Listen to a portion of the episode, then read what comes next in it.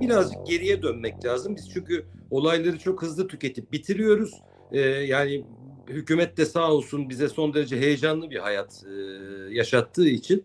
Şimdi bunda, daha hafta sonunda biliyorsunuz bu Amerika kaynaklı olarak yani Amerika Birleşik Devletleri kaynaklı bir istihbarata dayanılarak hem Fransız e, başkons hem Fransız dışişleri hem Alman dışişleri birer açıklama yaptılar ve İstanbul'daki temsilcilikleriyle ilgili önce bir güvenlik uyarısı yaptılar. Yani ve işte ibadet yerlerinden uzak durun e, vesaire toplu yerlerden kaçının gibi e, yabancılar hedef alınabilir gerekçesiyle ve üstelik de burada enteresan bir şey yaptılar. Doğrudan ABD e, istihbaratına yani oradan gelen bilgiye re, e, referans yaptılar, atıf yaptılar. Şimdi e, onun üzerine biz Türkiye'de işte İçişleri Bakanlığı yaptığı söylenen zattan ne duyduk? Evet bizimle paylaştılar. Böyle bir açıklama geldi. Bizimle paylaştılar. Biz de bununla ilgili bir operasyon başlattık. Şu kadar kişiyi gözaltına aldık. İşte elektronik takip e, vesaire incelemeler devam ediyor diye. Fakat aradan geçen süre içerisinde işte özellikle dünden itibaren arka arkaya e, İsviçre'nin işte sizin saydığınız ülkelerin, Hollanda'nın, e, Batı ülkelerinin özellikle arka arkaya bir takım işte e, konsolosluklarını kapama kararı aldı. En sonda Fransız okulu e, Pierre Loti'nin e, Beyoğlu kampüsü yani Beyoğlu'nun içerisinde onun küçük bir bölümü var. Asıl büyük bölüm başka bir yerde. Onun da tatil edildiği haberi geldi. Şimdi onun üzerine bu yani e, Süleyman Soylu çıktı. İşte bu uluslararası kumpas 60 milyon turist. Şimdi yani bunları tabii ciddiye almak imkansız. Yani bizi e, oldukça Türkiye Cumhuriyeti vatandaşlarını şimdi Beyoğlu'nda tabii ki çok turist geliyor, başka insanlar var vesaire ama netice itibariyle orada çalışan, yaşayan, her gün oradan geçen yüz binlerle Türkiye Cumhuriyeti vatandaşı var ve bunların hayatlarını hiç ciddiye almadığının çok net bir tavrı. Şimdi bu istihbarat nasıl paylaşılır? Şudur. Türkiye bir NATO ülkesi olduğu için özellikle bu işit terörü konusunda çok uzun yıllardır.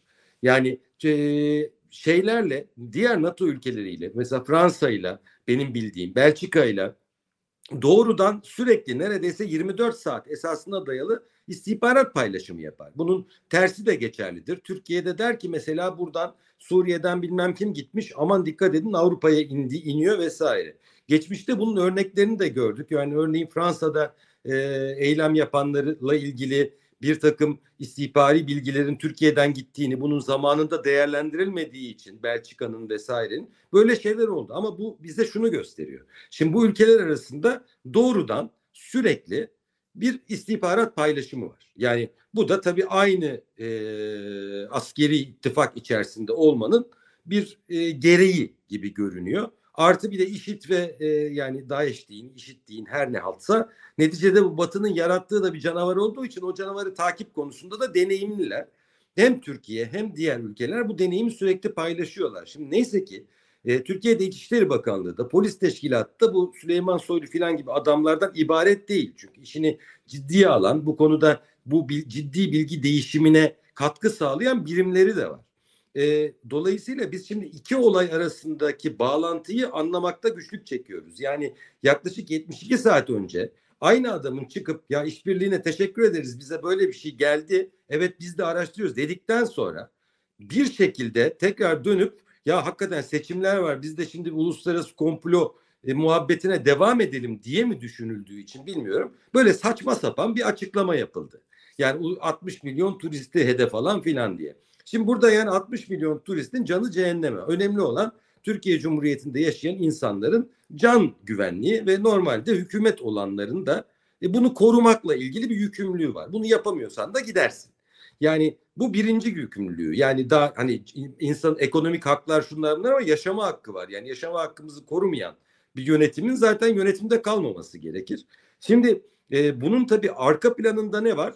Ya biliyorsunuz bizim İdlib diye bir e, şeyimiz var. Baş belamız var. Yani orayı artık ben Peşaver'e benzetiyorum. Sadece ben değil başka izleyen uzmanlar da. Yani orada biz dünyanın bütün teröristlerini neredeyse topladık. Bunlarla iş tutmaya da kalkıştık. Zaman zaman da tuttuk El Nusra ile vesaireyle.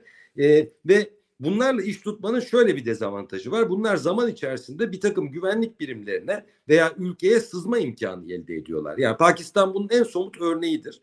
E, o yüzden de peşaver sendromu deniyor buna. Yani siz Taliban'ı kontrol ediyorum dış politika amacım veya iç politika amacım için kullanıyorum derken bir bakmışsınız Taliban sizi kontrol ediyor. Şimdi aynı şey IŞİD'deki El Nusra, El Kaide, IŞİD vesaire bunlar için de İdlib'deki geçerli. Ee, benim korkum yani bu ciddiyetsizlik seviyesiyle yani teşkilatın tamamı değil ama yani en azından bu siyasi kadronun ciddiyetsizlik seviyesiyle gerçekten Türkiye Cumhuriyeti vatandaşlarının canını çok hafife alan hatta bir dönem hatırlayacaksınız eski bir başbakan dediği gibi yani bombalar patlayınca oy oranımız artıyor hesabını yaptığını dahi düşünebileceğimiz bir zihniyetle karşı karşıyayız. Asıl bizim için ürkütücü olan budur.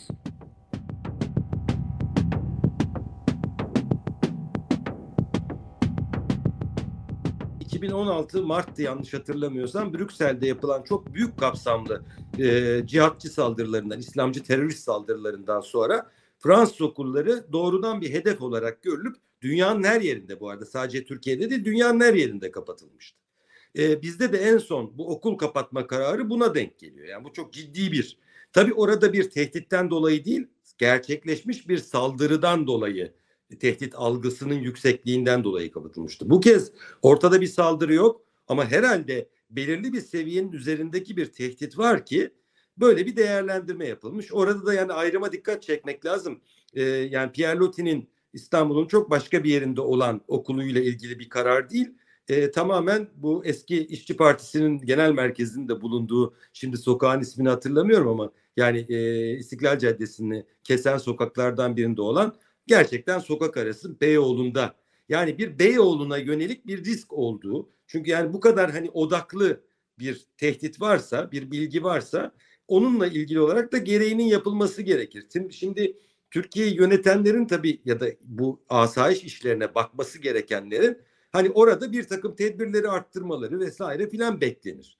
Ama yani bunu tutup da uluslararası komplo filan demenin bir anlamı yok. Yani vardır muhtemelen çünkü bu DAEŞ, IŞİD vesaire genellikle yapacakları eylemleri kendi aralarında şifreli bir şekilde uzun süre tartışıyorlar, konuşuyorlar ve bunlar belki de yüz binlerce böyle pist dediğimiz bizim şey bırakıyor, iz bırakıyor. Bu izler takip ediliyor çeşitli batılı istihbarat örgütleri tarafından ve tabii ki Türkiye'deki muhatapları tarafından da. Bunların hepsi de doğru çıkmıyor tabii ama biraz da bilinçli bir şey. Bunlardan bir tanesi gerçekleşiyor. Yani bir tanesi böyle bir böyle bir ihtimal var.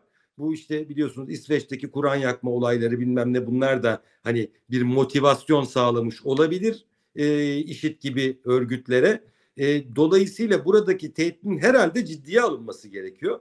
Maalesef birçok ülke bunu ciddiye alıyor e, ve ben çok uzun süreceğini zannetmiyorum. Çünkü böyle bir gerekçeyle bir hafta, on gün, yirmi gün temsilcilik kapatamazsınız Türkiye gibi önemli bir ülkede. Hele ki Türkiye'deki insanların özellikle vize konusunda başka şeyler konusunda bu temsilciliklerle çok fazla alışveriş olduğunu da düşünürsek ondan sonra ama yani burada hükümetin ya da güvenlik birimlerinin e, hatta dışişlerinin de yani eğer burada gerçekten Türkiye'ye yönelik bir e, algı operasyonu çok sevdikte deyim varsa o zaman Dışişleri Bakanlığı'na çağırırsınız bu ülkelerin büyükelçilerini.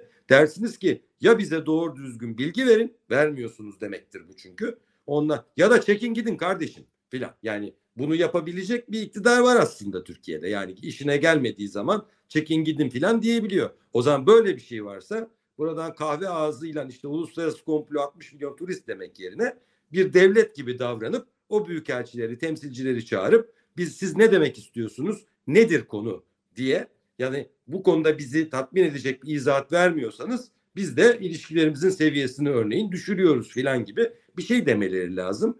Maalesef bunu yapacak ciddiyetten de yoksunlar şu anda çünkü tek düşündükleri şey iktidarda ne kadar gün daha kalabilecekleri. Yani o yüzden hepimizin canı tehlikede diye düşünüyorum. Bela bir tane değil yani ve asıl bu belanın tabii özünde AKP var. O AKP'nin yarattığı İdlib politikası, İdlib'de yarattığı canavarlar bahçesi. Yani bu Melih Gökçe'nin Dinozorlar Parkı'nın canlı versiyonu var orada. Ve bu da tabii attıkları bir takım siyasi diplomatik adımlara anında karşılık verebilecek bir takım yapıları beslemiş oluyoruz biz orada. Elbette gerek şimdi bu İsveç'te, Danimarka'da, Hollanda'da Kur'an yakılması vesaire gibi şeyler gerekçedir. Yani bahanedir. Ama diğerleri yani biz Suriye ile e, uzlaşı masasına oturuyoruz demek onların zaten varlık sebeplerinin ortadan kalkması ve bir anlamda da Rusya'nın, Suriye'nin, Türkiye'nin, İran'ın ortak bir operasyonları bunları imha edeceği anlamına dahi gelebilir. E, yani bu kadar köşeye sıkıştırılan canavar da muhakkak e, en zayıf halkayı ısırmaya çalışacaktır. Bu denklemde maalesef AKP'nin Türkiye'si en zayıf halkadır.